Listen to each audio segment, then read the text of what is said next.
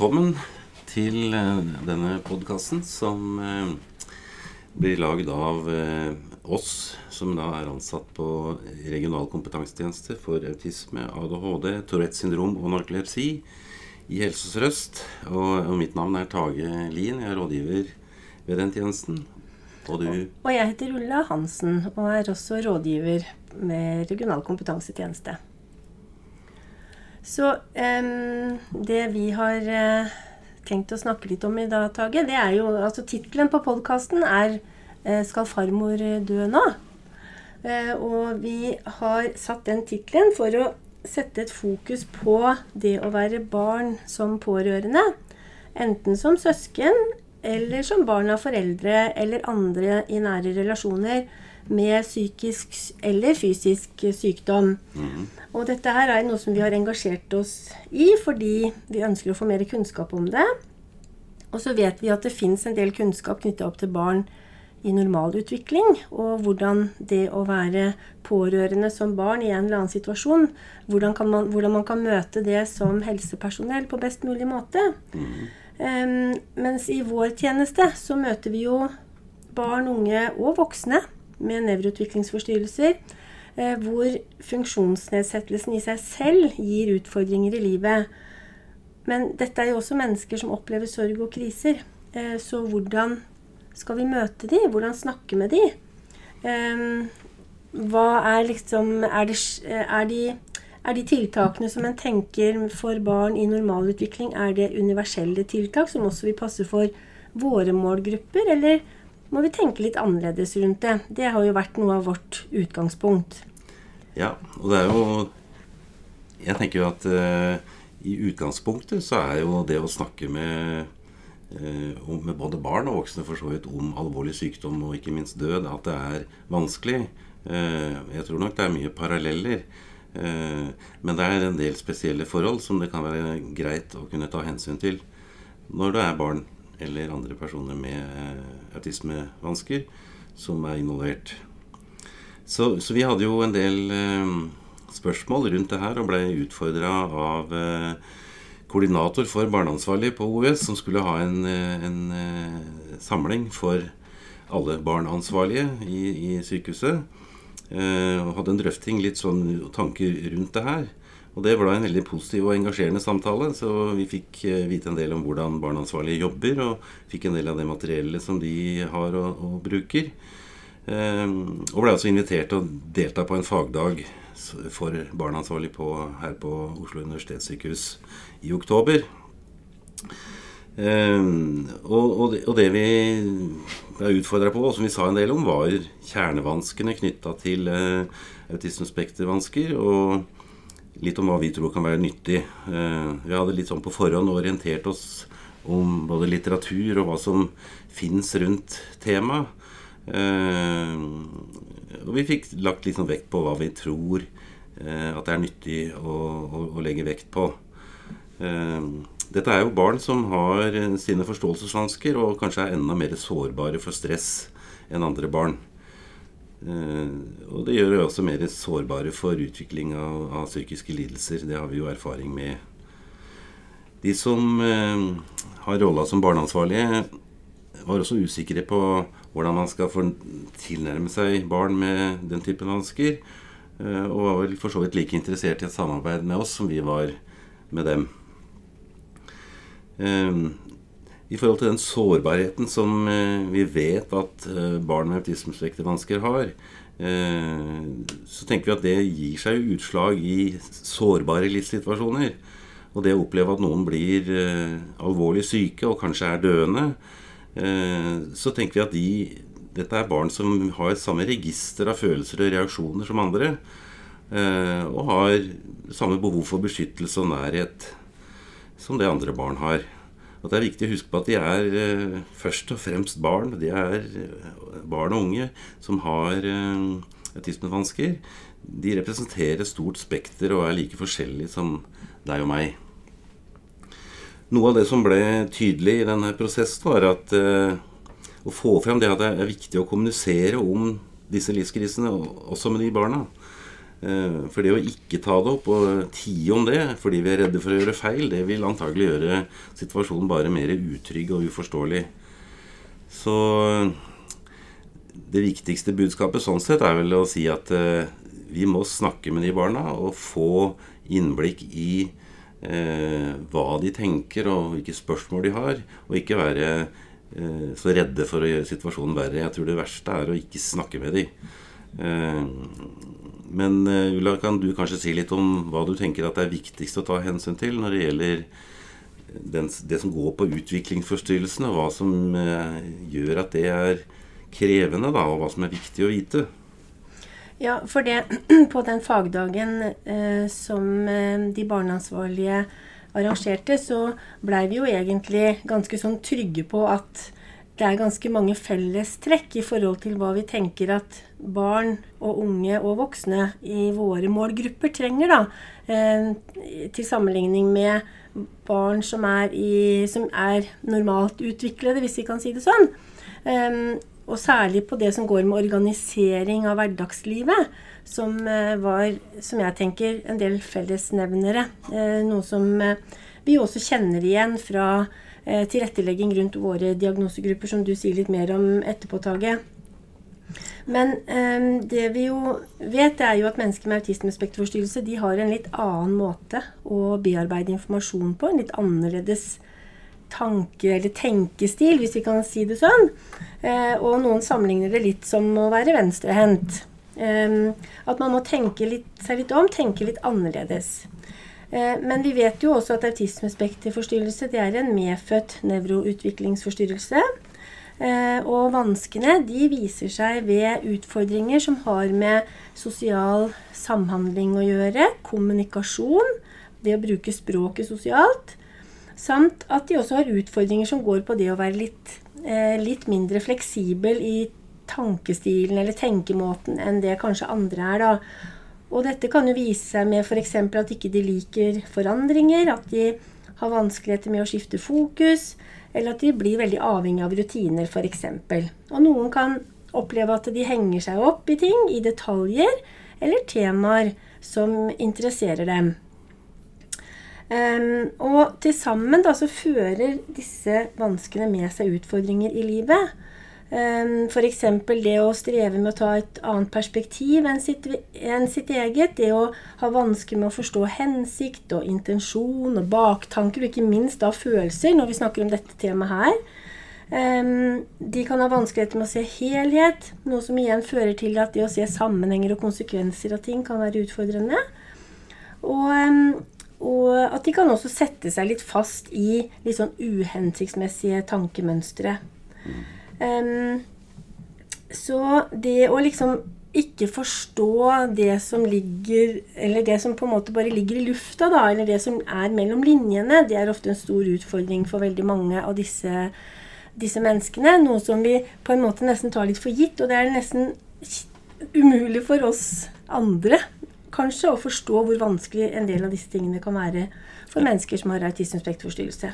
Det minner meg jo litt om eh, en henvendelse jeg fikk for en del tid tilbake med en, eh, en, en, en voksen dame som kontakta meg som eh, hvor de var to, et søskenpar. Da. Hun hadde en bror som eh, hadde Aspergers syndrom. Og så hadde da, foreldrene var i helt sluttfasen på livet. Begge, begge foreldrene lå for døden.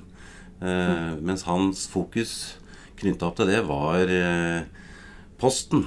Hvem skal ta inn posten? Og, og hun eh, søstera var jo så fortvila, for hun hadde mer enn nok med å takle sin egen sorg og alt det praktiske rundt situasjonen med foreldrene. Mens uh, han som da hadde Aspergers syndrom, var uh, virka lite engasjert følelsesmessig og hadde problemer med å snakke om noe særlig annet enn en posten. Og det er klart at det, det blir på en måte krevende midt oppi det. Eh, men eh, der var noe av løsningen å, kunne si hva slags konkret informasjon trenger han, sånn at han kanskje kan gå videre og, og snakke om andre ting også. Mm.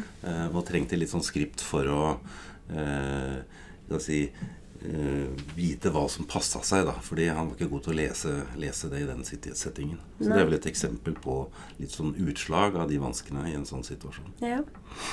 Ja, og nå er det jo ikke så lett å forklare i veldig sånn detalj Med detaljert informasjon om um, hvor, um, hvordan mennesker med autismespekterforstyrrelser blir påvirket av sin funksjonsnedsettelse sånn veldig konkret. Men vi har jo laga et materiell som det går an å laste ned fra vår hjemmeside Eh, om, eh, som heter Autismeplakaten, som sier eh, både med bilder og tekst litt mer rundt disse ulike kjerneområdene som mennesker med autismespekterforstyrrelse har utfordringer på. Da. Og så er vi igjen tilbake til det du sa innledningsvis, Tage, at vi må ikke glemme at dette er mennesker. Først og fremst mennesker, unge mennesker, barn. Eh, og at de er forskjellige, og at det er et stort spekter i forhold til at det er variasjon på, på hvordan man fungerer. da. Mm. Så det må vi ikke glemme. Men uh, Tage, du, du, jo, du, sa litt om det nå i forhold til den historien du fortalte da, om tilrettelegging. Så um, i forhold til disse menneskene, hvilke erfaringer har vi, og hva slags kunnskap har vi når det gjelder tilrettelegging, som kan være nyttig å ta med seg inn i en sånn uh, situasjon da, når man er i en livskrise, f.eks.? Ja, og det er jo sånn at man gjerne skulle kunne si noe om hva man absolutt ikke skal gjøre, eller hva man må gjøre. Eh, men så enkelt er det jo dessverre ikke. Eh, for det er ikke sånn at alle tiltak hjelper for alle, nettopp pga. at dette er mennesker med veldig forskjellig eh, stor variasjon da, i funksjonsnivå og forutsetninger for å ta del i eller mestre situasjonen de kommer opp i. Men, eh, men, jeg tror jo at vi kan si at, at det grunnleggende så er det helt nødvendig å tenke på dette her med forutsigbarhet. Det å vite hva som skal skje. Eh, og ha liksom en plattform å stå på. Eh, vi vet jo at de som har autismespektervansker, de, de eh, er ganske avhengig av rutiner og, og trives med det. Ting som gjentar seg dag etter dag. Eh, så jeg tror jo selv i en krise så vil det være viktig å prøve å opprettholde en del av de faste aktivitetene, det faste mønsteret i, i, hverdagen. Det gjelder jo for så vidt òg det som vi kan kalle typisk uh, utviklede barn. Uh, men jeg tror nok vi kan sette det med en strek under, at de med autismespekter trenger dette her i mye større grad for å se mer i helheten og sammenheng. nettopp fordi de har utfordringer knytta til planlegging og organisering. Ehm, men det å få konkret og tydelig informasjon som ikke er pakka inn i for mange ord og ytringer, eh, tror jeg vi kan si at det må være et generelt råd. Og det er klart, eh, knytta opp til det her med alvorlig sykdom og, og død, så, så uttrykk og ord som vi bruker knytta til døden, eh, det er jo gjerne sånn at noen har gått bort, eller at eh, altså vi bruker uttrykk eh, Det er vanskelig å bruke ordet død, f.eks. Eh, det kan jo gjelde når vi andre snakker sammen om det også. Og man velger andre begreper som kan egentlig skape forvirring. At det brukes mange forskjellige uttrykk Unnskyld, på samme fenomen. Ja, det, å, det, å, få fakta om situasjonen og vite hva som skal skje videre, eh, er et, et, godt råd i den sammenhengen. Eh, jo mer konkret informasjon man kan gi om hva som skal skje med den som er syk, eh, jo bedre vil det være. Så det å holde tilbake informasjon vil ikke være å skåne de. Samtidig så må det som sies, tilpasses alder og, og, og modningsnivå. Så legg gjerne en plan for eh, hvor lenge en skal være til stede ved et sykebesøk f.eks. Gi litt sånn regler på og avtaler om kanskje hvor det barnet skal sitte. Eh, litt hvilket tema det kan være ok å snakke om, og, og kanskje avtale hvor lenge det her skal vare. Men Tenkte du å si noe knytta til ja, det? Ja, for jeg syns de sa det så fint eh, på han ene som holdt et innlegg på fagdagen eh, til de barneansvarlige. At vi, og det gjelder jo barn som ikke har vansker i Eh, i autismespekteret. Men jeg tenker jo at det også gjelder for våre barn. Det der med at eh, Når vi snakker om at vi ikke må spare på informasjon Vi skal jo selvfølgelig ikke gi alle detaljer eh, i en informasjon. Men det å på en måte skulle gi ting veldig sånn dryppevis, da, og så kommer liksom det verste til slutt, eh, da vil de oppleve at dette tar ingen ende. Og de mister tillit. Eh, det var de veldig opptatt av som barneansvarlige. Særlig de som jobber med, med f.eks. For eh, foreldre da, med en kreftsykdom som kanskje skal dø. da at det var viktig å gi liksom, fakta og en god sånn innføring i sykdommen til barnet, og ikke spare liksom, det verste til slutt. da. Det er heller starte med det verste, hvis en kan tenke sånn. Uh, fordi at de vil, uh, de vil miste litt tillit til at voksne snakker sant. Hvis vi tror at vi skåner de ved å, å ikke si hele sannheten, eller å vente med det verste til slutt. Mm. Jeg tror en viktig forutsetning for å lykkes her også er at man snakker sammen med det nettverket rundt et barn her. altså Både mm. foreldrene, selvfølgelig, og, men kanskje også de som kjenner barnet fra andre arenaer, enten det er en barnehage eller skole. Eh, for å sjekke ut hva det barnet har fått med seg, litt hvordan de har forstått eh, den informasjonen ja, og de opplevelsene de har knytta til sånne type situasjoner. Så det å, å bruke tid både i forhånd til å planlegge og kanskje ta tid i etterkant for å kalle det å debrife og sjekke ut hva de har oppfatta i de situasjonene, som jo er nye for dem, ikke sant? og som er krevende å forstå. Mm. Eh, det vil kanskje da bidra til færre misforståelser eh, og sånn sett bedre hjelp i den situasjonen.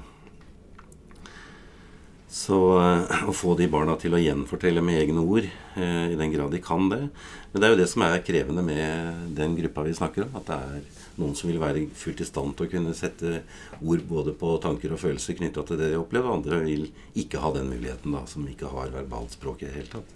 Så du må på en måte vurdere og tolke ut fra en total vurdering og kjennskap til den personen. Ja, for det blir jo litt sånn som vi ville tenkt i forhold til andre barn også. At man er jo opptatt av at vi må tilpasse informasjonen vi har til barnets alder og modning.